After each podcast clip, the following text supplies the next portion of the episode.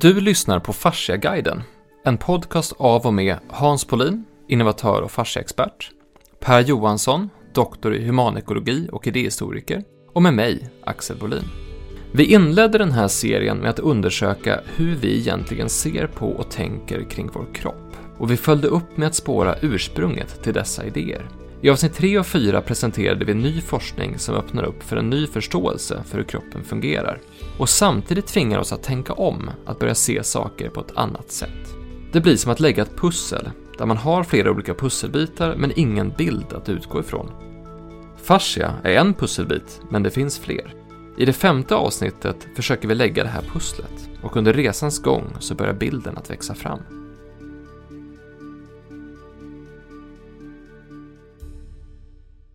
När vi eh, gjorde den här serien så började vi med att prata om att det finns just olika sätt att se på kroppen. Och det man kan ta med sig från avsnitt ett som jag tror de flesta kan känna igen sig i är den här bilden av att man inte är sin egen kropp, eller att kroppen är en sak. Att det finns en separation mellan mig, jag, Axel, och min kropp. Eh, jag tänker att den går sönder eller att jag, att jag har ont i den och att jag ska laga den eller jag ska tillsätta någonting för att reparera den. Inte att jag är min egen kropp. I avsnitt två så pratar vi om historien bakom hur det blev så här. Hur vi började tänka på kroppen på det här sättet, hur vi började dela upp saker och, och hur det har format inte bara vår syn på kroppen eller vår syn på livet eller på samhället utan att vi har gjort rena skära byggnader som faktiskt, alltså vi har institutionaliserat hela det här tänkandet att dela upp det i de fack vi har delat upp det i. I avsnitt tre så pratar vi om hur vi hittade fascia, hur det kommer sig att just jag och Hans sitter här och pratar om fascia. Eh, men även hur fascia upptäcktes, hur fasciaforskningen startades, hur Fascia Research Society bildades och Fascia Research Congress började hållas och fler och fler internationella forskare började titta på det här med fascia. Och sen i avsnitt fyra så pratar vi om vad innebär den här fasciakunskapen? Och den största insikten i det är att man kan se på kroppen på ett helt annat sätt, som att den bara består av två saker. Celler och det utanför cellerna. Då sitter allting ihop. Fascia är det vattnet, den, den, det flöde som allting finns i. Immunförsvaret finns här. Alla, alla kroppens funktioner finns i den här fascian som är våran kropp. Det slutade någonstans med att vi pratade om att det är som att lägga ett pussel. Det var din liknelse Per, att du sa att när man lägger ett pussel och inte har bilden, då måste man titta på en bit och så ser man men ja, det är någonting mörkt uppe i kanten på den här biten. Vad kan det passa ihop med? Och så får man titta på nästa bit och så nästa bit. Och så får man som försöka bygga ihop det där och se vad som passar ihop. Och då sa vi någonstans att det är det vi ska försöka göra idag. Bygga ihop det här pusslet. Så Hans, det första du tänkte prata om, vad är det för någonting? Två saker. Det ena det var vatten och det andra var ljus. Vatten var... Eh, det var jag såg någon, någon, film som hette What the bleep do we know? Alltså en sån här konstig film som handlar om populärvetenskap och vad kan vi för någonting. Jag tror den kom ut 99 eller något sånt där ganska länge sedan. Och den så var det om det som hur kommunikation fungerar i kroppen, hur, alltså allt mikro till makro och massa kufar var med i den där, professorer och det var healers och det var allt möjligt som var med där. Men den, den som var mest, gav mig mest, eh, som jag varit mest så konfunderad över, det var att vatten hade minne. Att vatten, att leva, alltså vatten var levande. Och, och vitt, jag tänkte på vatten, alltså man, man har ju gått i skolan, vatten är H2O, det är bara en molekyl och den är inte så märkvärdig. Men, men sen började jag tänka på varför, varför söker vi, när vi söker efter liv, så söker vi efter vatten. Man har hittat vatten på Mars och man har hittat vatten någon annanstans. Och det finns liv när det finns vatten. Då den här Emoto Masari, Masari Emoto, han hade då kommit på en annan sak som fanns. Det var att det finns vissa saker som vi vet som är universella. Och jag har testat den frågan på ganska många. Och nästan alla säger mm, och så är det. Att man vet att om en snöflinga faller ner så är den inte lik någon annan snöflinga. Så det finns inte en snöflinga som har fallit på jorden någon gång som är lik en annan snöflinga. Och kommer man då ifrån Norrland som jag gör, där det brukar vara mycket snö, då blir det där nästan svindlande. Mm. Alltså, hur mycket snö har det funnits? Alltså morfar går i snö och jag går i snö och jädrar vad snö det är. Och, och allting är helt unikt, varenda snökorn. Och då, i den där så jag köpte den där eh, boken då, som Message from Water, och så kollade jag den filmen som var och det var helt fascinerande. Att, att jaha, och då, det han egentligen gjorde då, den här Masari Motan, han sa att om det här är så att allt vatten är olika, då borde det kunna finnas ett meddelande i varje snökorn som finns. Så då börjar han, eh, och vatten då, det fryser, det expanderar, det är ganska annorlunda mot massa andra saker, det expanderar när det fryser. Till en tredimensionell struktur. Och så det blir en flinga av något slag. Och då tog han eh, vanligt vatten eh, som var ifrån eh, kommunalvatten. Och så provade han att fota det, alltså expansion och fota hur det såg ut, snöflingan. Med en teknik som, ja ni kan säkert läsa på det vad han gjorde för någonting. Men det, det som hände var att eh, just det här eh, kommunalt vatten som finns ifrån Japan, det fanns, fanns ingen energi i. Och det tyckte jag var lite märkligt, men sen så om det, om det då var en zenbuddhistisk munk som, som välsignade vattnet, då fanns det energi i det. Så det gjorde jag, eh, då köpte jag vattenflaskor och sen så i, i, i, i eh, glas. Och så tog jag ett japanskt ord för kärlek, så inte pojkarna förstod vad det var för någonting. Så skrev jag det på, och så började jag hälla upp vatten i, i kärl. Och så kollade jag om de drack eller inte, och de drack mycket mer vatten om det, om det var energi i det. Och, och, och så började jag titta på vatten och så började jag titta på eh, och då läste jag någon, någon, någon, eh, någon eh, tysk eh, skogsman som egentligen höll på med, som hette Viktor Schauberger, som, som höll på med vatten och, och vad, vad, vatten hade för konstiga funktioner som man inte visste. Att vatten är lättare för att frysa om det är varmt. Så, så hettar man upp vatten så fryser det fortare om det är nollgradigt. Det är lite in, intressant. Och då, så, man, och, så det första jag tittar på, vad, vad, är vatten och vad har det för funktioner? Och sen så tittar man på att det har, jag tror att det är 70 olika avvikelser från saker som vi tror. Att vi tror att vatten är bara enkelt, men om vatten är komplicerat och vatten har dessutom kan ta emot känslor, då blir det nästan svindlande. Mm. Eh, och om vi då består utav och en del säger att vi ser 70-80% vatten. Jag hörde en forskare som du skickade mig till som sa att, att vatten är en sån molekyl som reagerar mot allt. Så egentligen är kanske 99% av det vi är, det är vatten. Då blir det lite intressant och då blir det kanske viktigt varför har man tittat på vatten i gamla kulturer? Eh, och då kollade jag på romarriket och de hade nog intressanta idéer om vatten, men det gjorde de inte. De var ju bara bra på att transportera vatten, men de transporterar ju vatten på ett väldigt sofistikerat sätt. Mm. Det gjorde även Eh, Eh, den här eh, eh, den muslimska kulturen som var i Spanien hade väldigt mycket vatten, levande vatten som de värmde upp kåkarna med och för att kyla kåkarna med och så. Och det där har vi nästan glömt bort. Alltså vad, vad, vad är vatten? Och, och, jag tror att vatten är en sån där pusselbit som man måste titta på utifrån perspektivet fascia. Hur reagerar vatten? Vad är det för någonting? Är det viktigt att vi dricker bra vatten? Är det viktigt, vad händer när vi när vi ger vatten mycket syre, vad händer om vi syresätter vatten och vi inte syresätter vatten? Så jag varit helt inne på, det, jag varit totalt uppslukad av vatten i en vecka, eller två, eller tre, eller fyra, eller fem veckor. Så jag köpte ju en vattenrenare på hela huset. Eh, av en kar som hette då, för då kollade jag på, det fanns det virvelvatten, och då skapar det energi i vatten. Eller fanns det en annan, en tysk som hette då eh, Johan Grander. Ja, nej, tysk, han var österrikare. Han har gjort vattenrening i Österrike. Jag tänkte man, varför behöver man vattenrening i Österrike? Det måste ju finnas hur mycket vatten som helst där. Men han sa att vatten är, vi har inte förstått vattnets funktion. Så att han hade kommit på ett sätt att rena vatten genom information. Så att han kör vattnet genom ett väldigt kraftigt magnetfält. Och då ändrar han hela vattnets struktur. För mig är det här ett typiskt exempel på, på att vatten att vatten är mer än det synes vara och det finns saker att göra här. Och det är outforskat. Det finns någon amerikansk forskare som jag tyvärr just nu har glömt namnet på. Men han, han, han, han, um, han menar att vatten är det mest outforskade ämnet egentligen. Vilket är ju väldigt egendomligt med tanke på hur viktigt det är. Mm. Från alla möjliga synpunkter. Som du sa, man tar bara för givet att ja, det är, det är en massa H2-molekyler som surrar runt mm. i olika konfigurationer. Och så är det inte mer med det. Men eh, det finns ju mycket tecken på att det är någonting mycket mer än så. Det här att vatten har ett, ett minne till exempel. Mm.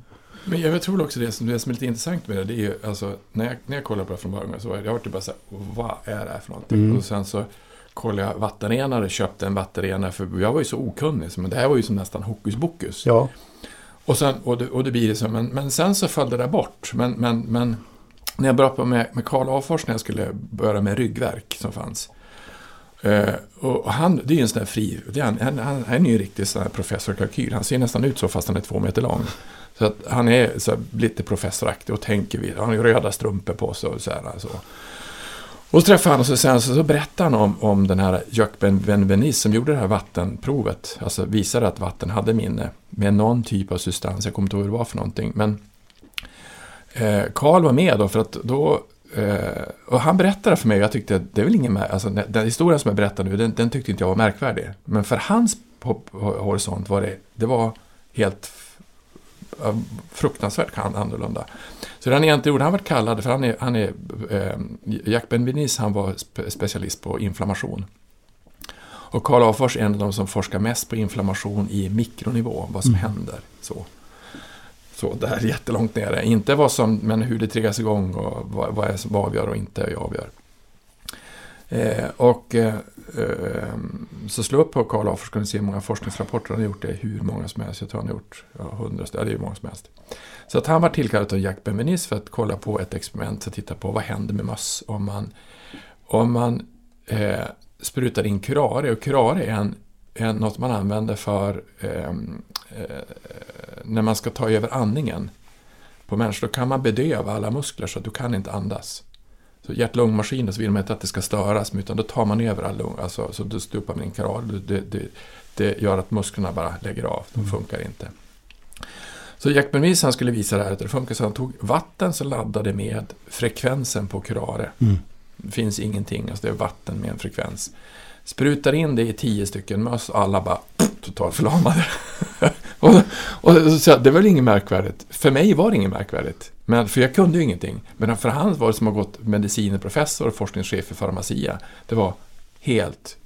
Alltså det var precis som att, att det fanns ett svart hår. Han Ja, det, det är precis det jag menar innan. Alltså det, det finns ju det finns hur mycket sådana här eh, studier, försök, förslag på möjligheter som, som helst. Men det, det, det är som vanligt när det är saker och ting som avvin, avviker från eh, vad ska vi säga, det etablerade vetenskapliga paradigmet hur man i grund och botten tänker sig att världen är beskaffad. Om det avviker för mycket från det så, liksom så är det bara kon, konstigt. ja, alltså, Och så undviker man det så mycket som möjligt. Då talar ju jag med den etablerade vetenskapens röst ja. naturligtvis. För att den, den har ju sina kriterier.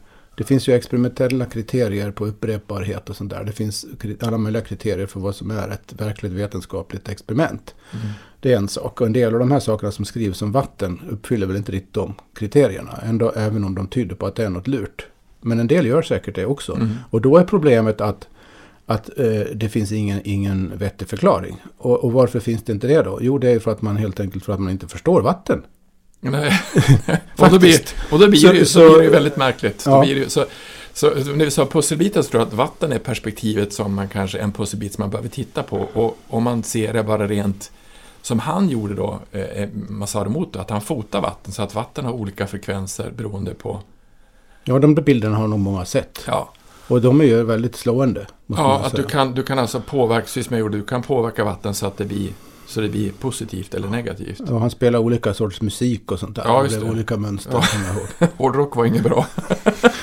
det vet jag, men, men det kan vara mycket energi i alla fall. Men, men, men eh, Men om vi gör så här, för jag tänkte vi, vi ska inte, det kan bli för mycket om vi fastnar i, vi sa faktiskt i Mm. avsnitt fyra, för i avsnitt fyra presenterar vi väldigt mycket forskning, framförallt forskning om fascia. Vi Mm. förklarade hur fascia kan ge en annan syn på Mm. cancer, vi förklarade hur fascia kan ge en Mm. annan syn på vanliga sjukdomar och vi höll oss väldigt mycket till forskningen. Mm. Det vi konstaterade då, och som vi också pratade om i avsnitt två, är att om vi håller oss för mycket inom nuvarande vetenskapliga paradigm så kan vi få det lite svårt. Därför nuvarande vetenskapliga paradigm, det här passar inte riktigt in i det.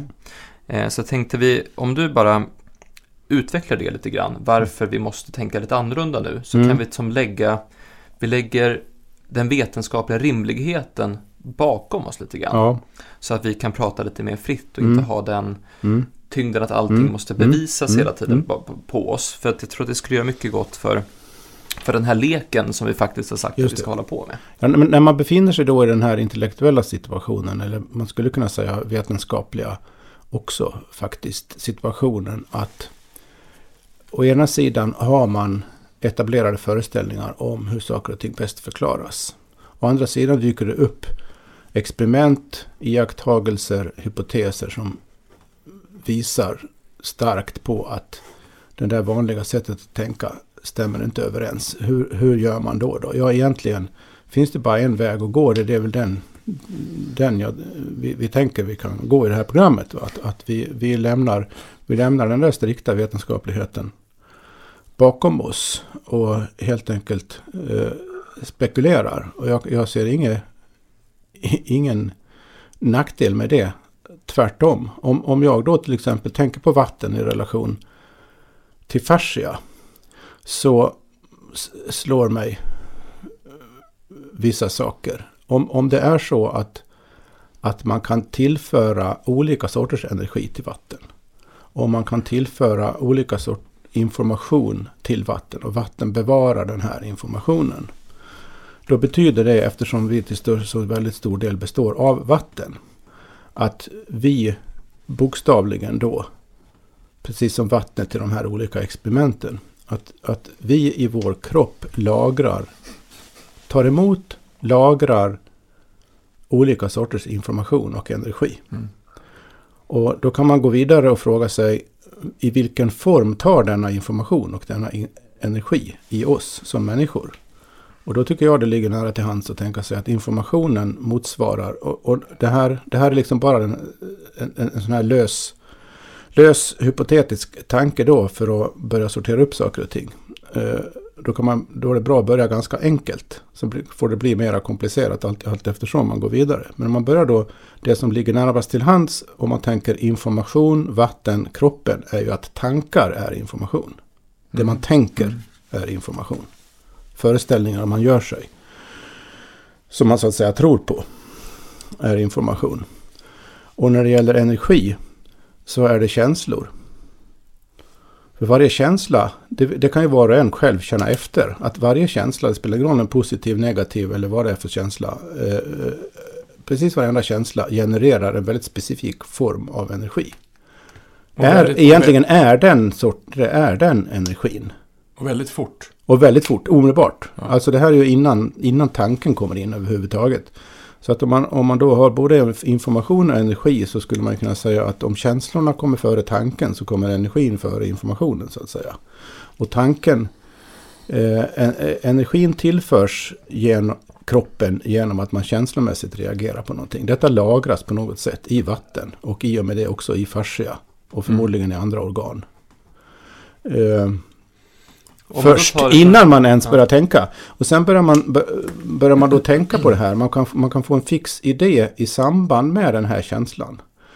Eh, som kanske inte nödvändigtvis har med känslan ursprung att göra. Men i ens eget medvetande så kommer den här fixa idén att fästa vid den här känslan. Mm. Och då kommer känslan att förstärkas av den informationen. Så här Mm. kan man liksom fortsätta att spekulera. Men någon sorts, sorts samband, tänker jag mig, eh, känns inte alls orimligt. Men då kommer jag, om du säger det här så kommer jag då, då är det någonting förmodligen. För att om, jag träffade en annan karl som, det finns ju egentligen några andra pusselbitar som är intressant. Det ena är ljus Mm. och det andra är eh, vatten och det tredje är frekvenser och magnetfält. Jag tror innan vi ska gå för långt nu, för jag känner att nu börjar det, nu, nu kom magnetfält in i bilden här. Ja. Det kanske folk Vi, som vi håller isär det lite grann. har en aning om vad det är för någonting. Vi behöver nog en grundläggande förklaring Mm. för det.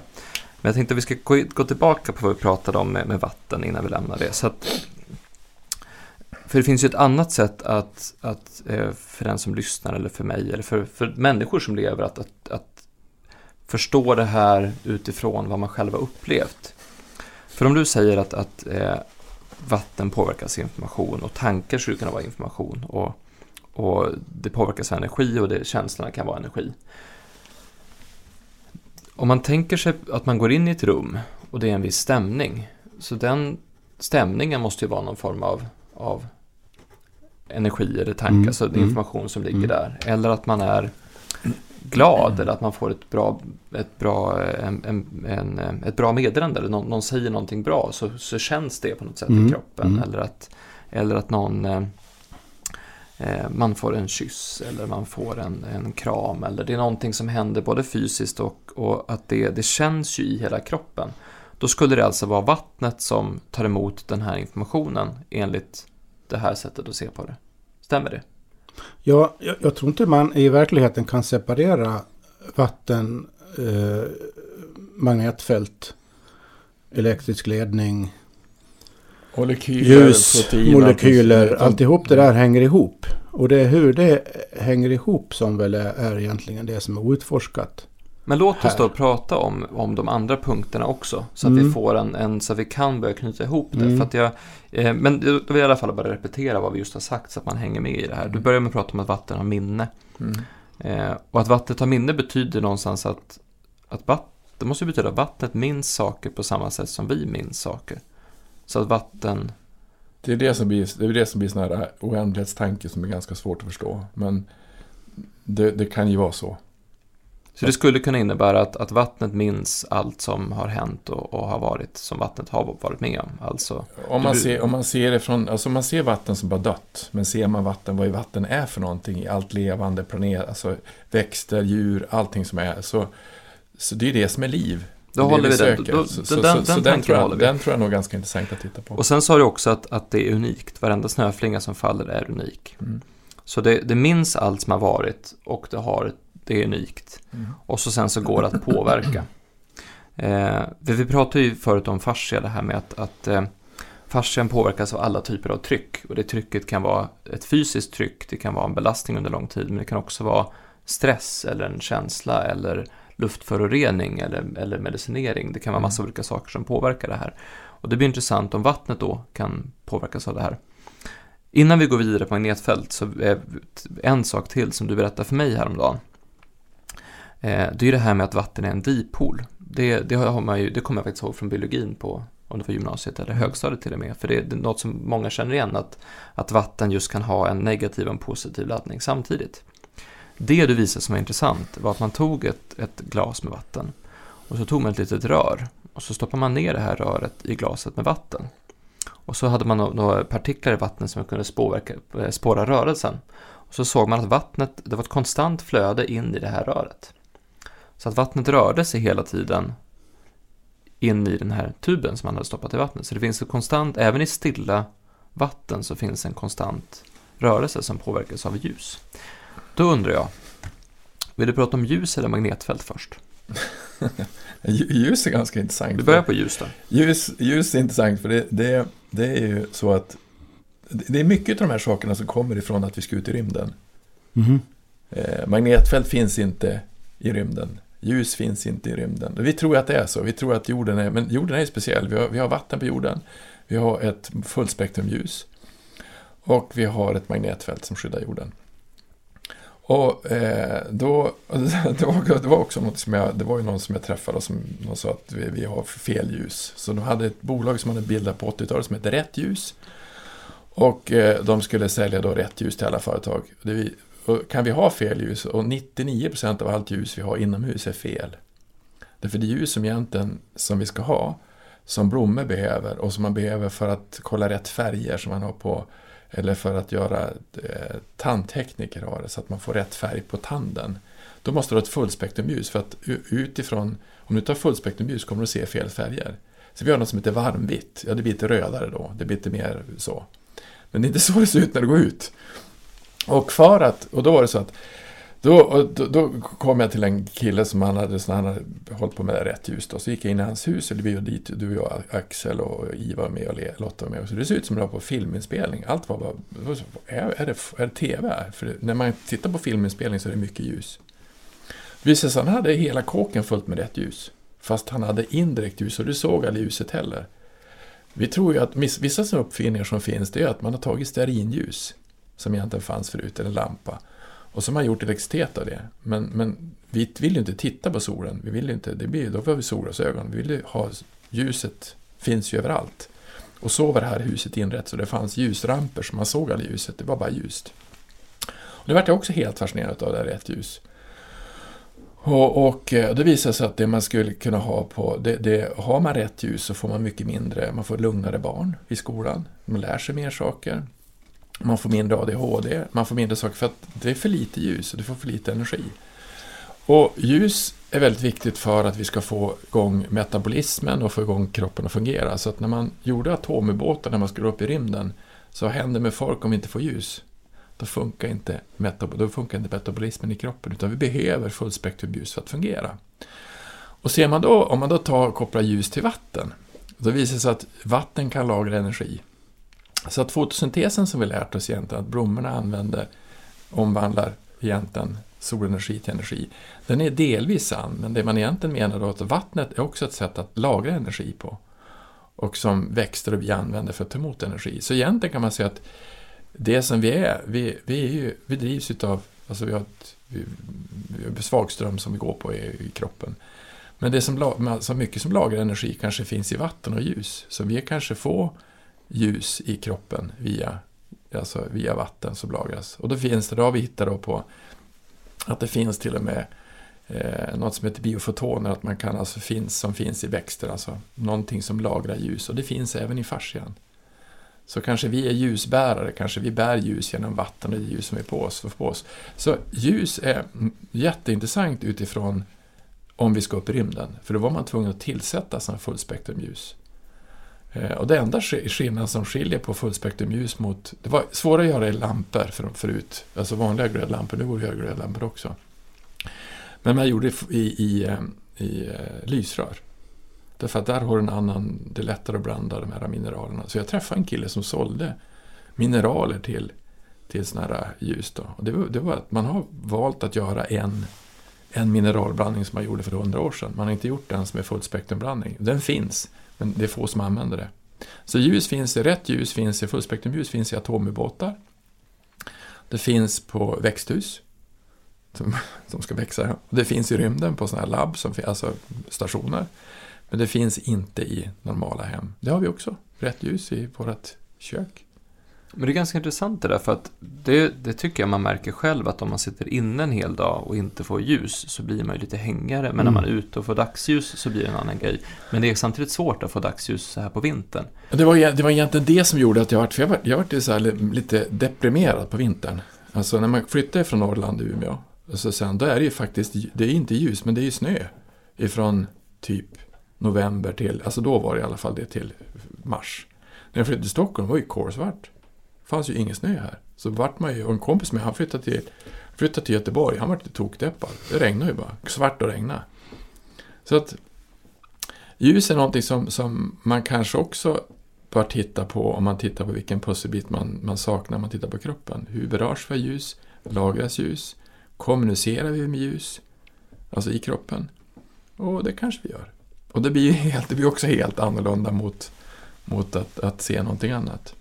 För det är en sak till som är väldigt praktiskt när det kommer till ljus. Då är det för solljus, men det är, det är säkert liknande. Det var, du sa till mig att eh, det var när du började titta på, på värmekameror som man fotograferar hur varm man är i kroppen. Det, det är ett annat projekt som vi kan prata om en annan gång. Men då var det i alla fall att eh, de ytligaste blodkärlen har vi precis vid ögonen. Ja. Och det har vi för att eh, ljuset vi får renar blodet.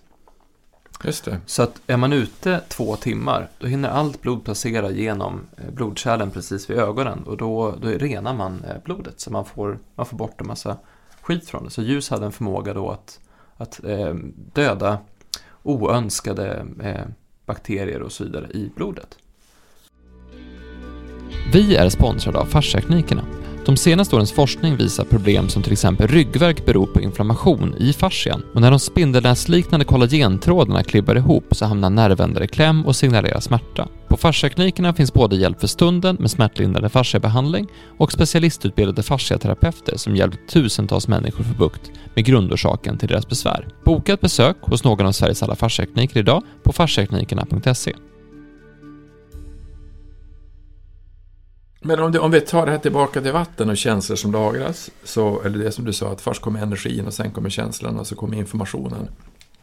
Ja, jag vill modifiera det sen, men fortsätt. Men, men ja, ja, det var bara ett inledande sätt att dela upp saker. Ja, men, jag, alltså, det är många sådana här konstiga saker man har varit med om när man eh, om man har varit med om ett trauma, alltså man, man någonting som man inte vill lämna, alltså negativ information, så är det väldigt svårt att göra ett uppbrott och bli friskare om man inte släpper det som man har varit med om.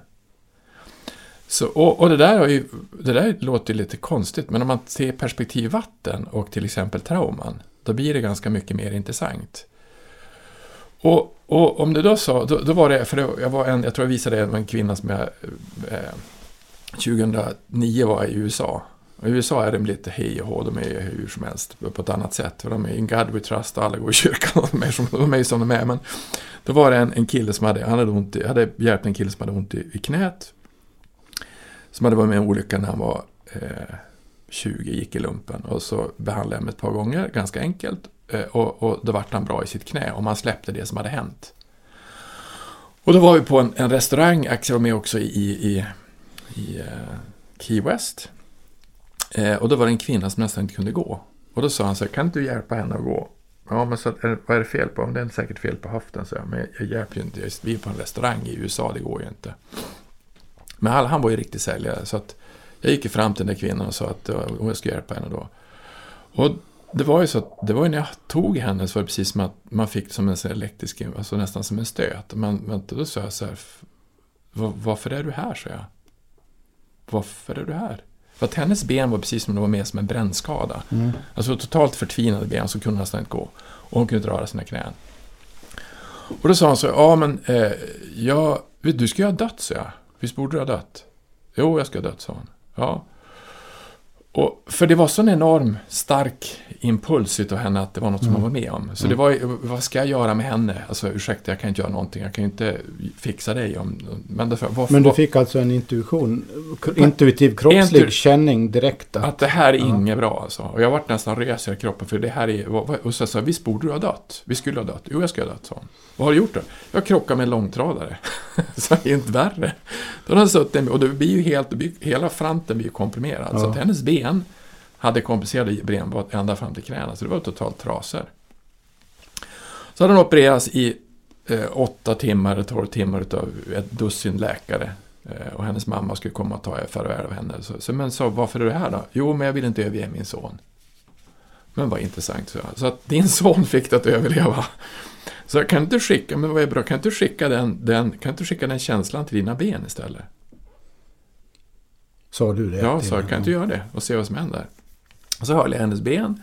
Och så sen så, så förstod hon att det var ju det var ju fantastiskt att det var hennes egen känsla, att hon, hennes kärlek för sin son som gjorde att hon hade överlevt.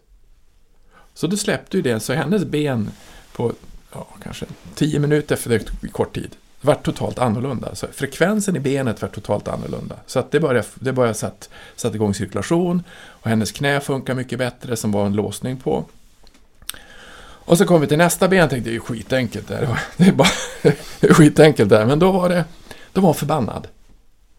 Mm. Jaha, men varför är du arg? Ja, men de, jag ser ut så här, så. Kolla på mina ben. De är förstörda. Ja, men alltså det har ju... du lever ju. Du lever ju, vad är det som har hänt? Ja, men då var hon arg på läkarna för de borde ha gjort bättre jobb. Mm. Men så att, hur kan du tänka så när du tänker att först för nej, två minuter sedan, tre, fem minuter sedan sa att du borde ha dött. Och så är det 15 läkare, 10 läkare som har fått dig att överleva. Och så är du arg på dem för att de borde ha gjort bättre jobb. Alltså ifrån kroppen blir det ett konstigt perspektiv. Ja, det har du rätt i. Ja, men förlåt läkare, alltså, tacka för det istället. Och gå ifrån, tack för den upplevelsen och gå dit istället, så släpper vi den. En kärlekshandling glädje, så gjorde hon det. Och så sen så sa skicka dit sonen istället. Det är mycket bättre. Det är mer du. Ja, så gjorde hon det och så funkade det benet. Så jag tror att det som man egentligen, och tittar man utifrån perspektiv minnevatten mm. så blir det mycket lättare att förstå. Och det enda jag gjorde, jag uppmärksammade hennes minne, hennes låsning vid minnet, hennes förbannelse för minnet, istället för egentligen om hon gick tillbaka till den energi som var mycket starkare i henne utav kärlek och värme. Då, så släppte, då kunde du rensa det minnet. Jag tänker att den här historien illustrerar på sätt och vis eh, mitt förslag där att känslor är energi och tankar är information. För man skulle kunna tänka på hennes situation där som att hennes känslor hade räddat henne så att säga. Ja. Men hennes tankar Höll hon kvar? höll hon kvar. Ja. Och det fanns egentligen, det var en diskrepans på sätt och vis mellan vad hon tänkte och vad hon kände. Och det var ju det du påpekade, Ja. eller hur? Ja. Ja, så att, eh, så att känslorna hade... De positiva kä- kärlekskänslan som hade räddat henne, den satt kvar och fick, höll benen någorlunda skick. Mm. Även om de var obrukbara på ett sätt.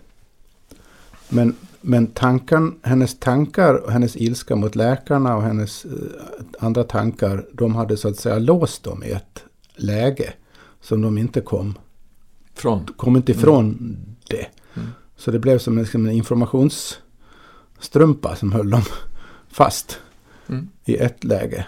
Var du, var, på något sätt, hon måste ju ha varit väldigt mottaglig för ny information från dig av någon anledning. Men när denna nya information så att säga gick in så märktes det en omedelbar Och gick jättefort? förändring. Ja. Det Alltså behöver man på ett sätt, när man tänker på det här då, det här är ju spekulation såklart, men det finns ju en logik i det. Man behöver på ett sätt separera tanke och känsla här. Ja. Information och energi. Mm. Även på ett väldigt fundamentalt plan rent fysiskt, så, eller vad man ska kalla det, så eh, är information och energi delar av samma sak. Ja. För känslor och tankar håller ju ihop. Så kanske på, på ett sätt var det motstridiga känslor snarare då. Som hon hade. Men Ja, vi och så, pratade ju ser, tidigare om det här med, med hjärtat och hjärnan. Ja, Eh, att, eller vi har inte pratat om det fullt Nej, ut, det det här med hjärtat inte. och hjärnan. Ehm, för inom, inom andra traditioner så har man ju en tanke kring att, att, att hjärtat, är, hjärtat och hjärnan är olika system och hjärtans system är starkare. Eh, för då blir ju hjärtat då den som förmedlar energin, känslorna. Och hjärnan är den som har informationen och tankarna i det här fallet. Och det är synken mellan hjärta och Mm. hjärna och disharmonin som finns här mellan hjärta och hjärna som eh, är i vägen i det här fallet. Mm. Och det tror, jag, det tror jag att vi hade en... en vi berättade om det med hjärthjärna, det gjorde. Nej, jag tror inte du gjorde det.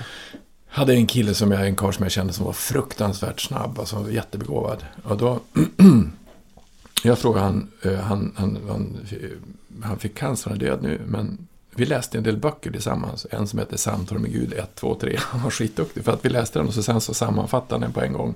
Och det är inte så många som kan göra det när man läser några konstiga böcker. Men i alla fall så han, han eh, då sen så gick vi och pratade med honom. Och när han var sjuk så de flesta hans kompisar de bara försvann. För att man är rädd för det som är konstigt när de är sjuka. ja. Men ja, vi umgick ganska mycket och så sen så då frågade han sig, hur kan det komma sig, för jag sa, hur kan det komma sig att du är så smart? Alltså, hur kan du tänka så fort? Ja, men det gör man inte, sa han, utan om du känner först och tänker sen, då går det fort och allt är rätt. Jaha, är det så enkelt? Så, och då blir det egentligen tillbaka igen, för att den känslan, om, om hjärtat reagerar fortare än huvudet, Mm. då skulle man egentligen kunna känna först och sen tänka. Och då blir det, men när man slutar känna, då blir det ju ganska svårt för kroppen att egentligen vara här. Så om, om kroppen då är... eh, Nej men alltså, och det som, om det var det du menar med, med, med hjärthjärnan, för jag tror att hjärna, hjärtat, de har visat till och med att hjärtat reagerar fortare än vad hjärnan gör.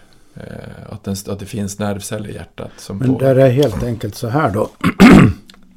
Vilket modifierar den här enkla uppdelningen i tanke, information, känsla, energi. Ja. Nämligen att det finns olika... Tank, det vi kallar tankar är ingen enhetlig företeelse. Utan tanken kan baseras på olika, olika saker. Hjärtat, man kan och, och det här har betydelse för vår medvetenhet. Vad vi är medvetna om. Om, vår, om det vi är medvetna om baseras på så att säga hjärntankar, om vi kallar det för det så kommer vi att fungera på ett sätt och förstå saker på ett sätt och inte förstå andra saker. Vi kommer Mm. kanske ha, ha ganska dålig kontakt med vår egen kropps övriga signaler. Kan man tänka sig. Mm. Om våra tankar däremot baserar sig på hjärtat då. Eller magen. Eller kanske ännu fler organ som tankar skulle kunna baseras på. eh, Så skulle vi tänka annorlunda. Så måste det ju vara i så fall. Och det där De gamla egyptierna Ja. tror jag jag nämnde i något tidigare Precis. program. De, De, sparar tänk, de hjärt, de tänkte sparar ju, hjärtat va? men de tänkte ju precis så att varje, varje kroppsdel hade sin egen eh, uppfattning om saker och ting. Så Mm. att säga. Och, och, och den, den här, vad man skulle kunna kalla ut, den egna utvecklingen i insikt i det gamla Egypten verkar ha gått ut på att eh, korrelera de här olika sakerna med varandra och få någon sorts helhetsuppfattning. Vilket innebär att man får kontroll över vilka tankar och känslor man begagnar sig av. Och också vilka tankar och känslor man uppfattar. Eh, det vill säga, om man tänker så här. Olika känslor sitter i olika kroppsdelar. Mm. Och olika tankar också sitter i olika kroppsdelar. Så att om man lär sig det, och inte intellektuellt då, bara tankemässigt, utan känna i sin egen kropp på olika sätt var det är någonstans. Så kan man ju också i och med det lära sig att modifiera det där. Som att om man, om man, om man märker av en disharmoni mellan olika kroppsdelar, det vill säga olika känslor Mm. och tankar, så kan man rätta till det. Och det, det verkar faktiskt vara vad man har sysslat med i det gamla Egypten. Man kan, åtminstone är det väldigt lätt att tänka sig utifrån deras kroppsuppfattning att, att de, den möjligheten fanns där. Och tittar man på Kina så är det precis så det som är premissen för traditionell kinesisk medicin i stor utsträckning. Och vissa av de kroppsliga, själsliga, om vi kallar det för det, övningar som finns i den traditionen går ju just ut på att harmoniera olika tillstånd som är kroppsligt förnimbara. För det är andning och rörelse mycket man håller på med. Väldigt mycket andning och rörelse. Men också en in, ett inre skådande som innebär att man i sig själv kan lokalisera var Mm. saker och ting är fel. För det som vi pr- pratade om i avsnitt 4, eller som vi pratade om tidigare, är ju att, att den här nya forskningen, den västerländska forskningen, det väst, västerländska perspektivet om, om fascia, det är ju en decentraliserande idé. Ja. Att det inte finns en central hubb, hjärnan, som styr hela kroppen. Det. Utan att, utan att det finns man pratar om att det fin- vi pratar om den här bilden att det finns lika mycket intelligens i händerna som det finns i hjärnan. Och intuitivt så kan jag ju förstå det. Ja. Att jag kan göra saker med mina händer och jag kan göra saker med min kropp som inte hjärnan styr. Eller går nästan för fort för hjärnan. Vi pratar ju om att, att fascian kommunicerar i, eh, i ljudets hastighet och du har varit inne på att det kanske till och med kommunicerar i ljusets hastighet. Så att det finns ju någonting här, jag tror vi är någonting på spåret här. Eh, men jag ska vilja ha en, en genomgång av den sista pusselbiten här som vi ska prata om och det är magnetfält, bara så vi vet vad det här eh, Men, men som ingång till det så tänkte jag vi skulle prata om en sak, för vi har pratat om hjärtat tidigare.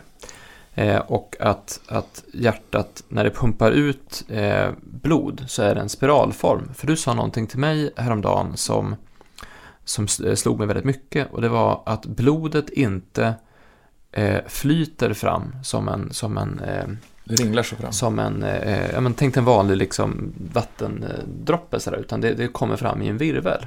Så att det, det är hela tiden en virvlande rörelse som blodet kommer fram i. Eh, och det ihop med vad jag hörde för ett år sedan ungefär om att alltså i blodet finns det järn. Mm. Så vad händer när järn rör sig fort i en viss typ av rörelse? Ja, då skapas någon form av Magnet. magnetism, alltså ett magnetfält. Och det här är någonting som man också intuitivt faktiskt kan, ja men just det, det finns ju det finns ju järn i, det finns ju metall i kroppen som rör sig i en virvel, som rör sig i en hastighet som hela tiden cirkulerar. Ja, då blir det ju en magnetism. Mm. Ehm, för mig var det, för mig när jag hörde den, den, eh, den förklaringen så slog det mig direkt, jaha, det är därför vissa har så stor, eh, vissa har stor karisma. Det är därför Freddie Mercury kan stå på en scen och påverka hela, hela eh, stort- Wembley. stort och, eller varför, eh, varför eh, någon kan gå in i ett rum så vänder man sig om och tittar på dem. Därför att magnetfältet är starkt, Mm. därför att cirkulationen är stark, därför att den här personens energi och flöde i kroppen är väldigt starkt. Ja, det är en logisk förklaring. Jag tror inte att det finns någon Det här har säkerligen någonting att göra med det kinesiska begreppet qi. Mm. Ja, precis. Den li- livsenergin egentligen. Mm. Som har med magne- magnetfält att göra. Men magnetfält är intressant på många sätt. För det är ju inte bara så att eh, det här är någonting då som vi har i kroppen. Utan det är också en förutsättning för liv på jorden. Och det har du tittat mycket på Hans. Ja, alltså mycket. Men alltså, jag, vi, jag har gjort samarbete förra året med en, en tysk bolag som håller på med eh, pulserande magnetfält som man kallar för Pulsating Electric Magnetic Field och det är en biolog. Det, när jag träffade den forskaren, det var precis som att träffa, han, han höll på med vatten, ljus och magnetfält. Han har hållit på med det hela livet för att det är egentligen det som är orsaken till vad det finns liv. Så ska man titta på liv så måste man titta på vatten, ljus och magnetfält. Eh, och pulserande magnetfält då, det var för det ett, ett, ett, ett förändrat pulserande magnetfält. Det, det stimulerar liv. Det stimulerar vattnet, det stimulerar eh, olika saker, helande frekvenser. Det, det, det det också gör som är ganska fascinerande är att det öppnar cellerna för kommunikation. Så att cellmembranen, cellerna öppnas för kommunikation. Och de man, det de hade gjort, de hade utvecklat en, en sån pulserande magnetfält för att det är jättesvårt att behandla cancerceller för de är väldigt skyddade. Men cancer öppnas, de är också, öppnas också för kommunikation. Då kan man döda dem på det sättet med, med pulserande elektromagnetfält. Eh, men magnet, det som jag tycker var intressant, det var det, dels så stötte vi på det här med att, att, att hjärtat är en, vi har tittat på hjärtat som en pump. Men om hjärtat liknar en, en i, i mikrostruktur liknar en galax. Det är precis vad det gör, en spiralform. Så allting i, allting i livet verkar vara spiral, spiralformat. Vatten vill röra sig i spiralform. Vatten vill komma fram. Alltså tar en vattendroppe så kommer den röra sig som en orm. Om den får, om den får chansen, den rör sig inte rakt fram. Så att allting vill röra sig i den typen av former. Mm. Så tänker man då på den här heter W.A.S.P. som jag hittade. Det var egentligen en kille som heter James Orsman som också är en kompis till Karl Afors som är forskare i energy medicine. Han menar att det som vi behöver göra för att till exempel som Karl berättade när han var forsk forskare i, i, eh, i eh, La Jolla så flög han mycket mellan Sverige och, och då får man ju jetlag. Och då sa den här James Orsman, han sa att gå bara eh, i, i barfota på stranden i en halvtimme så blir du jordad och då får du ingen jetlag. Och det stämmer. Så kan du jorda det så blir du av med jetlagen som finns. Det där har jag också hört talas om. Ja. Min första tanke var vad svårt det är på vintern. Det ja, skitkallt. Det är skitkallt.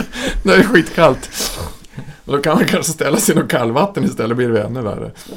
Men, men eh, om man ser på det här med magnetfältet som är i... i och det är inte heller speciellt...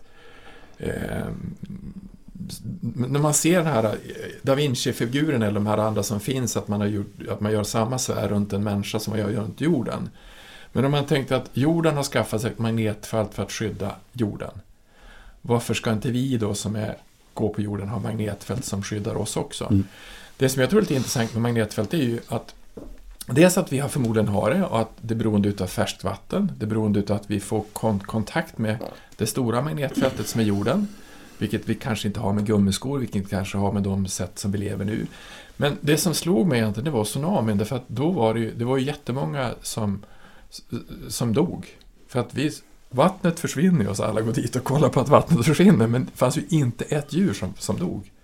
Så på något sätt så, så kände djuren till att här går vi inte till och gör någonting. Så någonstans så, och det vet jag att man tidigare läste en bok om aboriginer, att de kunde kommunicera på ett annat sätt och göra andra saker för att de, går, de har levt på ett annat sätt. Och många urinvånare, naturfolk och shamaner och allting, de ser ju på jorden på ett annat sätt.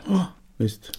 Så perspektivet, alltså det här med de pusselbitarna som finns, jag tror att magnetfält är någonting som är viktigt för oss för att vi ska fungera. Och den här eh, Ulrik Wanke, han, han var ju eh, det var ju som att träffa någon som hade ungefär likadan fast mycket mer ingående för det var det enda han hade forskat på hela sitt liv. Alltså vad är det som gör att biologi fungerar och naturen fungerar? Och magnetfält är viktigt. Och därför har han byggt då en sån, det ett sånt system för att hjälpa folk att hela sig själv bättre. Hur, vad är det för ett system? Pulserande magnetfält. Hur, men är det någon grej man köper? Ja, du, du har, antingen ligger du på, du behöver inte starkt, det han har gjort som skillnad, du behöver inte mycket, utan du tar på en, en, en, du tar en magnet och så skickar du en, en pulsering genom den. Okay. Och så sen sprids det i vattnet i kroppen och då, då läker cellerna bättre. Och när, när jag hörde om det första gången sa Karl att det borde, det, om 20 år, eller om 10 år, så finns det på varenda sjukhus. För att då ska du ju i om det är ett sätt att läka någonting, då ska du ligga på det i sjukhus. Men riktigt så är det inte. Men det, de hade i alla fall fått den medicinklassen för att till, till, att behandla ME, alltså MS. Så det händer ju någonting. Mm. Alltså. Mm. Så magnetfält är, är någonting som man inte har mycket om, men som är otroligt viktigt. Och det finns också, jorden har en speciell puls. Och den pulsen är på 7,83 7,83 Hz. Och då har visat eh, han eh, eh, Luc Montagnier, han har visat att om man kör i den frekvensen i vatten så bildas det DNA-strukturer.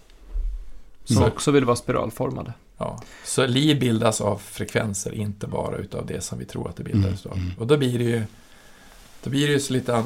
Men det är, också, det är också perspektiv på hela kroppen. Alltså, kan vi... Ja, men det är tydligt att vi behöver... Det är helt nödvändigt att förändra eh, det grundläggande perspektivet på vad materia är. Materia är inte eh, fasta atomer. Materia är inte något fast. Nej. Materia är som plast. Alltså det är hur, hur formbart som helst egentligen. Mm, förmodligen. I grund och botten. Mm. Materia är mer ett resultat än en orsak till någonting. Men det som är så intressant med det här, om vi tar det här som jag berättade om, att man kan förändra struktur i kroppen.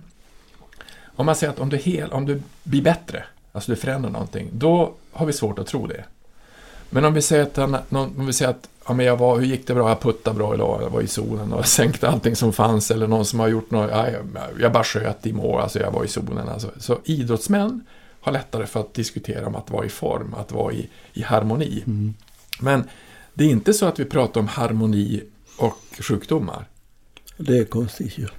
Så jag berättar för dig att jag tror att man har, placeboeffekten, jag, jag, tror att det finns en massa rapporter, men någonting som är väldigt lätt att göra placebo på det är att operera knän via titthår.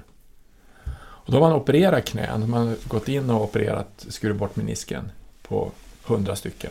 Sen har man gjort samma operation fast man inte gjort någonting på hundra stycken. Man har låtsats göra en operation. Ja. Och då är tron så stark att de har en operation så att de blir bättre än de som är opererade.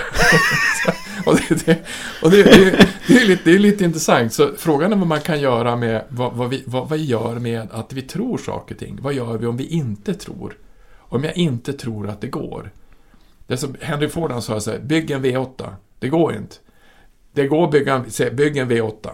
Och så gjorde de ju det. Så att han sa, det går, det, skit, jag skiter om ni säger att det går, bygg en V8, jag ska ha en V8. Så där gjorde ju Steve Jobs också. Han sa ju också att, ja. att, gör det här, men det ja. går inte, vi har inte teknik för det. Du, jag vill att du gör det här. Jag tror att ni kan göra det här. Jag har satt ihop det bästa teamet av folk och ni kan göra det här. Fixa det. Och, men vi kommer aldrig hinna klart. Ni kommer hinna klart till deadline. och sen så gjorde de det. Och det sa ju de som jobbade med honom sen att alltså, han, var ju, han var ju hemsk på många sätt eh, att ha att göra med. Men de, de kunde åstadkomma saker de aldrig trodde var möjliga för att just den här starka övertygelsen fanns. Så det, det finns ju någonting där med... Den kan smitta med andra ord också. Ja, den kan smitta, det kanske också är en sån här eh, energi och informationsgrej. Eh, Men innan vi bara eh, knyter ihop den här eh, säcken. För du, har vi fått ihop någon säck? Jo, men vi, jo, men vi, har vi. Jo, men vi, har pratat om, vi har pratat om vatten. Eh, och vi har pratat om vatten som att, och det, det kan man känna i, i, intuitivt i kroppen att någonting, man påverkas av det som händer runt omkring en. Man påverkas av dels sina egna tankar och det, även eh, sin egna energi och sina känslor och även andras stämning och energi och känslor. Alltså om någon, om du sitter och, och om du sitter någonstans och någon är skitarg bredvid dig så påverkar det ju dig. Det, du, du känner av det på något mm. sätt och vissa är mer eller mindre känsliga.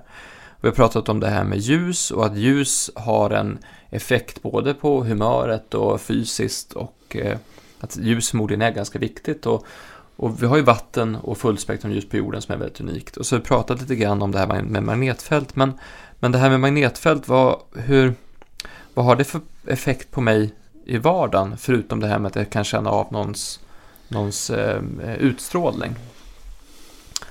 Det har ju...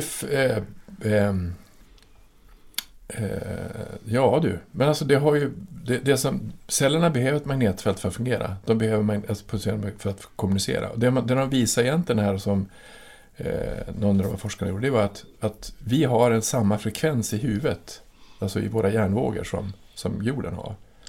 Så att vi, om, vi, om vi är separerade från magnetfält som finns på jorden så är vi separerade från skapelsen. Och skapelsen är, alltså, jorden är ju ett ett ekosystem där vi är. Och jag tror att det som är lite ah, intressant med det, vi har ju separerat oss ifrån det här. Vi har sagt att man kunde ingenting förut. Man kanske kunde mer saker förut vissa, i vissa fall. Och mycket saker sämre. Men när vi har separerat oss ifrån från jorden, alltså hur det egentligen ser ut. Jag tror visst att vi berörde, när, när den här tsunamin kom, när, då, då, då var det några som trodde att det inte var så många som dog.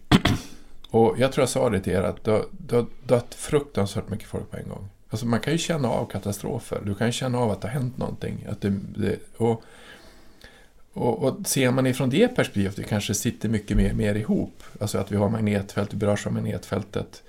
Då kan man också se på tragedier på ett annat sätt. Alltså, alltså om du tittar på de krig vi har haft i Europa. Vi har inte haft något krig i Sverige. Det är klart att det måste ha påverkat generationer. Alltså att det är så traumatiska saker som har hänt. Om vi kommer ihåg, vatten kommer ihåg och, så, och så, sen så ser vi att det finns en genetiskt arv som går vidare till nästa generation. Det är klart att det, det kanske inte är så bra att, att man är med om sånt. Sen om, om magnetfältet och vattnet, vilken, om de har ihop, alltså om de påverkar varandra upplevelsemässigt, det har jag ingen aning om. Du pratar en hel del om, om eh, frekvenser också. Vi kanske bara ska nämna det, att mm. det är en central... Det, det är ju, jag tror frekvenser skulle också kunna vara en, en nyckel för att kunna börja sätta ihop det här pusslet. För jag undrar om inte det är den gemensamma nämnaren faktiskt. För vad, vad är en frekvens för någonting? Det jag tror en... att det är, vi pratar om egentligen är frekvenser. Det som vi känner, det vi upplever, det vi är med om, det är frekvenser. Men om vi bara för, för en lekman, för jag, jag, jag sö, sökte faktiskt upp det här, vad, vad frekvenser är. Det är en, det är en, det är en svängning. Mm. Eh, eller hur? Det är en svängande mm. rörelse. Och eh, man pratar om frekvenser inom, inom ljud. Så nu när vi spelar in en, en podd som vi gör nu så, så är det en frekvens som rör sig i en speciell hastighet som blir en typ av eh, ljud som vi kan då lagra på något sätt. Eh, man pratar om frekvenser i... Eh, det är ganska enkelt att prata om det i ljud just för att det finns ju ljud som du inte hör. Eh, som alla, alla känner till det här med en hundvisselpipa. Du kan vissla en hundvisselpipa, hunden hör det, du hör inte. Mm. Så det finns frekvenser vi inte kan höra. Ljud är ju vågrörelser i något medium, vatten eller, mm. eller luft. Och frekvensen är ju antalet vågrörelser per tidsenhet mm. som till exempel träffar örat via luften. Så därför så är höga toner alltså högre frekvens, fler vibrationer kan man säga per sekund än, än låga frekvenser. Så finns det då någonting som inte är frekvenser? Ljus är ju samma sak. Det är också. Fast inte i något medium då enligt vad det verkar enligt fysiken. Men, men ljus är ju också frekvenser då. Hela spektrumet från, från infra värmestrålning som inte syns så att mm. säga. Till via det synliga spektrumet är bara en liten del. Sen går det över i gammastrålning och annat i andra änden. Jag måste berätta om Sepp Heikkilä. Jaha. jag, träff, jag, var på, jag var på två år sedan, var tre år sedan var på Kanarieöarna och spelade golf och så var det en kille som han såg ut som kalkyl. han var professor. han såg ut som professor, exakt som professor. Och han hade mycket konstiga grejer för när han slog. Han hade räknat ut exakt hur man skulle slå och hur fort det ska. Så. Och I alla fall, så då, då, då, då hade jag en, en, idé. Det var att man, jag ville mäta vävnadselasticitet. Eh, och då tänkte jag, och då borde man kunna göra det med någon typ av, någon typ av eh, ja, telefon, alltså någon typ av system som fanns. Och då sen så då frågade han så här, what are you doing? I'm professor in physics, sa han. Och han var finne då, okej. Okay. Så, so, are, you, are you any good at sensor technique? I am probably the best in the world in sensor technique, sa han. Då visade det sig att det var han den som hade uppfunnit hur man hur man packar sådana här MIPS, alltså, alltså sensorteknik, alltså i mm. telefoner och sånt, för han jobbar på Nokia. Så då, då satt jag där och så sen så kan man, eh, ska man kunna mäta eh, till exempel inflammation? Yes, everything that's not in equilibrium, it's make a sound. Everything in the body makes a sound. Säger du så? vad, vad säger du? Det säga att allting i kroppen, och så, så han sa att kroppen har inte, alltså vi har inte 37,5. Utan vi har en massa olika temperaturer. Mm. Och, men har du en inflammation till exempel, som jag var letade efter då, så kommer den att låta. Så ett, ett, en muskel som inte går i rätt, alltså börjar misstända, så mm. bara får, då låter den. Vänta, så han menar att allting i kroppen har låter? låter. Har en svängning, har en svängning, som, svängning. som innebär att i och med att det befinner sig i, i något medium så yttrar det sig som ljud. Ja, så har du, då, har du då feber då har du, då har du någonting som inte är i alltså jämvikt. Och allting som inte är ekvilibrium, alltså jämvikt, det låter. Ja, men hur vet du det? Ja, men så det, det, det, det, det, vad heter det, det här är ju... Det här är ju basic fysik, så när kom det fram? På 50-talet sa han, jaha. vänta, vänta lite, för det, när du menar, när du pratar om ljud, så säger du att ljud är alltså en vågrörelse i en viss hastighet som är i ett medium. Ett medium menar du då? I en viss frekvens. I en viss frekvens. Till exempel kroppen. Hastigheten är konstant. Ja. Men frekvensen varierar. Och då är mediumet i det här fallet i kroppen. Så att all rörelse i kroppen är ljud. Ja, det vill ja. säga olika frekvenser. Olika frekvenser. Olika organ. Fast det är ljud som inte vi kan höra. Ja, olika organ då har, har olika frekvenser då, enligt yes. vad du sa nyss. Och om de frekvenserna har, då kommer vi in på det här begreppet resonans. För om olika frekvenser harmonierar med varandra så är de i resonans med varandra. Och de kan vara i resonans på olika sätt. Mm. Så disharmoni betyder... Fel, alltså det är bokstavligen fel, disharmoni. Det är fel resonans. Och det han egentligen sa att du, du kan egentligen med, med, eftersom du kan ha mycket bättre hörlurar, alltså mikrofoner idag, så kan du upptäcka feber. Mm. Och du kan upptäcka inflammation. Mm. Problemet man har med inflammation, alltså det som egentligen har i medicin idag, att man har, man har ju olika saker man kan mäta. Men man har ju mycket som handlar om strålning som man mäter. Man har inte gått in och tittat på, ja ultraljud har du. Då får du fram en bild. Men du kan också få fram, fram en disharmoni. Mm. Då ska vi gå in på grundforskning. Så jag hade ju han och träffa, jag hade han och, han och de här två professorerna, så vi hade ett möte i två timmar. Och jag och Lars var med, vi var ju de var ute, vi satt ju bara så här. de var helt borta. De var ju totalt ute i space och körde ja. på. Men det var ganska intressant att, att, att allting, att, att det låter. Men, men om allting egentligen skulle gå att höra då, om vi hade öron som vi kunde höra med, eh, då skulle vi kunna höra dissonanser i kroppen. Kan vi då betyda, då borde väl det betyda att vi faktiskt kan känna dem eller, alltså antingen känna dem fysiskt med handen eller känna dem intuitivt känslomässigt så borde man kunna se eller känna eller förnimma. Men frågan är om inte det vi kallar intuition i reell mening har med detta att göra. Att, alltså att vi... Intuition är någonting väldigt kroppsligt. Ja. Egentligen. Vet så, så, man vad det är? Nej, det finns ju många teorier och filosofier om det. Men de som är mest intressanta är ju de som relaterar det till kroppsliga förnimmelser.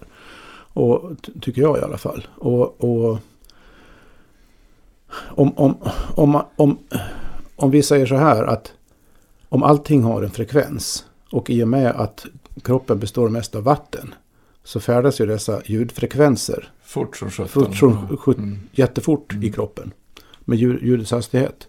Mm. Uh, och då hör inte vårt öra, är ju, vårt öra urskiljer bara ett spektrum av ljud, ljudfrekvenser skulle man kunna säga. Mm.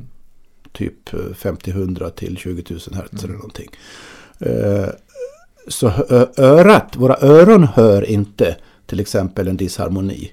någonstans i kroppen. Ja, det, ja, det hade, varit, hade ju gjort det jobbigt. Att, det är svårt att höra alla andra ljud vi behöver höra ja. på tal till exempel. Va? Mm. En massa störningar, liksom. brus skulle vi kalla det då, va? informationstekniskt sett. Men vi kanske har ett annat organ inom citationstecken, förmåga, förnimmelseförmåga, som vi liksom eh, kallar intuition. Mm. Men som är det som faktiskt uppfattar de här frekvenserna. Mm. Men vi är så otränade i det. Och hela vår kultur är så anti det. För att den är så tankemässigt fixerad vid, vid, på olika sätt. Som inte stämmer överens med det här. Men, men, men i princip borde det här vara en känslighet som går att träna upp då. Och frågan är om inte det vi i väst kallar alternativa medicinska system som TCM, kinesisk mm. medicin, um, i grund och botten i sin historia bygger på just den här sortens förnimmelser som människor som utvecklat de här traditionerna mm. faktiskt har haft. De har faktiskt bokstavligen förnummit disharmonier i kroppen och hur olika organ samverkar och så har de ritat kartor och byggt medicin på de premisserna. Det är ett väldigt annan utgångspunkt för att bygga förståelse mm. än vi har haft i det moderna väst. Ja, Som det, på något det. sätt makes sense utifrån det här rent fysikaliska perspektivet med frekvenser. Ja, jag tror, jag tror och förnimmande det, av frekvenser. Ja, jag tror att det, det, det där, när, jag, när jag ska börja, jag började en osteopatutbildning en gång Som jag gick i, jag var livrädd för, jag gick på ett halvår. Men det är ju också att, att lära sig allting på en gång. Men det var ju start för att vi skulle lära oss delar samtidigt. Det blir svårt att läsa helhet samtidigt som man lär sig delar. Då Ja. vill man fokusera på någonting annat. Mm. Och då, då fanns det ett program på, på SVT som hette Om savanter. Det var sju stycken jättemärkliga människor. Och en, kunde, en hade varit med och gjort bondgårdar i alltså hur, hur kor skulle se Mm. ut och hur det skulle vara. Hon, hon, hon var tempelgarden. hette. Hon kände vad hon visste vad kossor och djur kände för någonting. Mm. Och, och det var sant. Alltså. Henne känner jag till. Det finns en fantastisk film om henne. Ja, helt, hon är helt så här. Och så var det en annan som kunde måla av hela Paris när de åkte förbi. Och någon kunde räkna decimaler, 34 decimaler. Eh, alltså helt makalöst. Och den här The Rain Man var med där också. Mm. Eh, men jag tror att det, de egentligen, det som egentligen var det, det, det är ju att det där är ju annorlunda, men jag tror att vi är mycket mer annorlunda än vad vi tror att det är. Men du Just. måste ju träna det. Du måste ju förstå att det är så. Om Mm. det inte är så, Mm. så blir det ju... Alltså jag tror att det första gången man förnimmer någonting och man tar i någon, då tror man det här är ju sjukt. Alltså det här är ju, nej det här kan inte vara så. Då blir det ju, nej, nu är du ute och, nu är du ute och, nu är du ute och surrar på. Nu, är du, nu, nu, nu håller du på med någonting. Men intuitionen kommer ju på 0,3 sekunder. Så att är du inte med, alltså tar du bort det så går det inte. Så du kan inte, för den är ju så mycket snabbare. Alltså Just. intuitionen är ju, Just. den är ju så här. Mm. Och logiken är ju långsam. Ja. Så att, men det här nu såg jag, nej, det måste vara Ja. fel. Så att egentligen så går intuitionen emot förnuftet. För intuitionen är så mycket, mycket fortare, det är så mycket snabbare.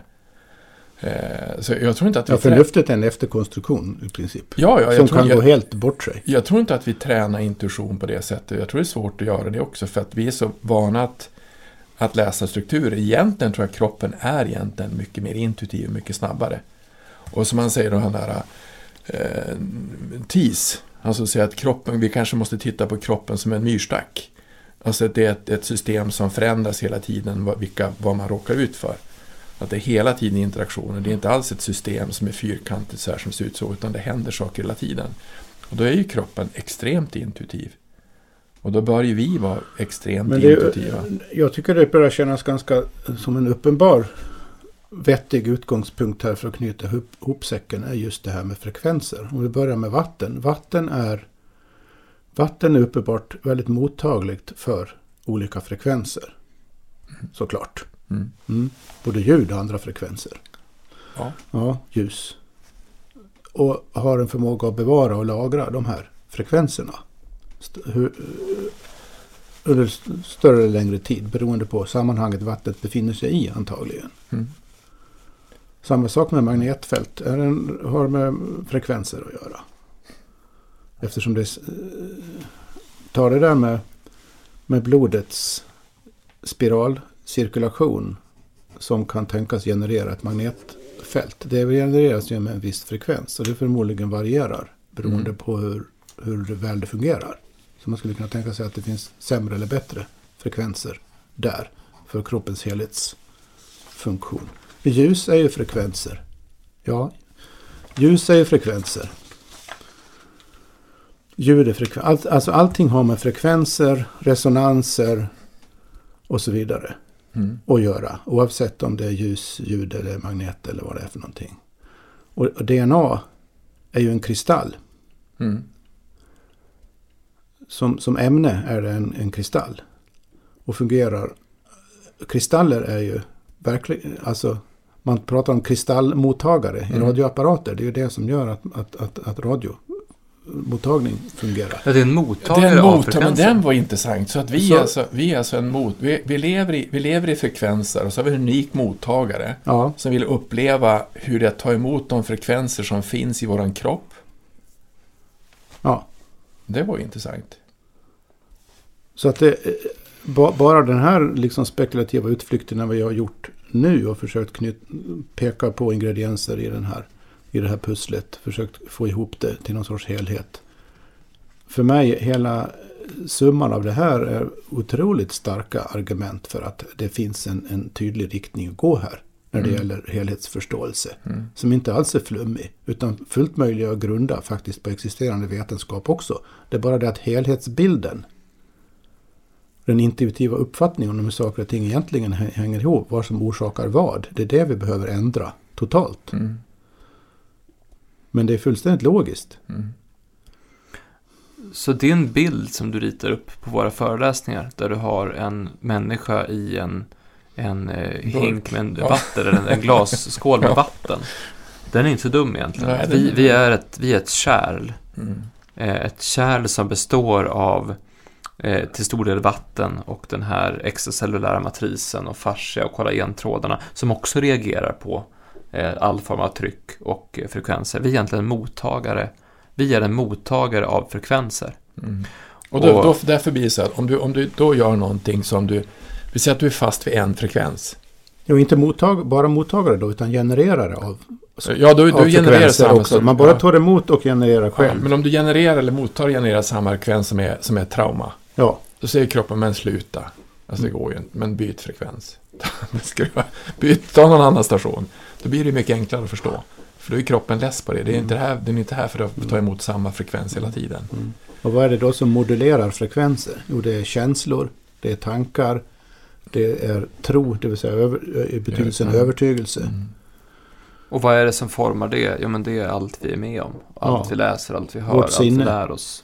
Och då blir ju, då blir ju om, det, om det är mot, och då blir ju egentligen media, det vi håller på med idag, då blir det mycket, mycket mer starkt att förstå vad det egentligen man gör för någonting om man skickar ut fel budskap. Mm. Eller är inte fel om du skickar ut för någonting så att du gör den här Ja, vad, vad det än är för budskap som skickas in så har det sådana här effekter på det här. enorm effekt på det på en gång.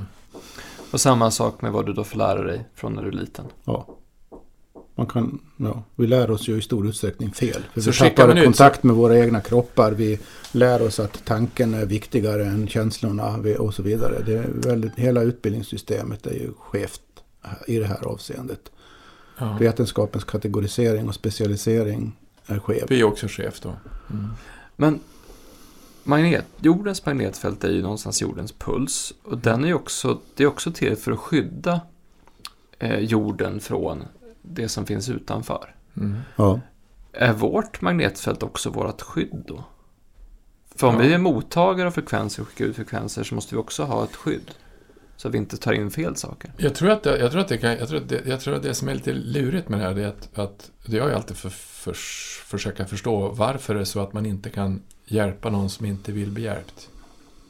Alltså kan du låsa dig i en frekvens som gör att du inte är mottaglig för någonting annat. Då blir ju nocebo och placebo mycket mer intressant att förstå vad det är för Ja. någonting. För att om jag tror på att någon har varit i mitt knä så tror jag på det. Så tron är mycket viktigare, alltså våran medvetenhet är mycket viktigare för att förändra än, än vad vi egentligen tror. Så att egentligen har vi ett starkt magnetfält, en stark intuition i kroppen som finns som vi föds. Potentiellt skulle man kunna säga. Så barn, som, om, om du säger att, precis, så barn säger så här, men de är ju, vi gör det nu och de är, man, barn kan inte ljuga. Alltså i till fyra eller tre, fyra år Mm. kan man inte ljuga, därför att då är, då, är, då är magnetfältet runt, då är det här så starkt, det intuitiva så starkt. Sen lär vi oss att det inte är så. Och då blir det ju det blir ju ganska fascinerande egentligen, vad, vad som händer. Så att man kan alltså blockera sig själv, man kan blockera sitt eget magnetfält, sitt eget, sin egen intuition, som gör att man inte kommer vidare.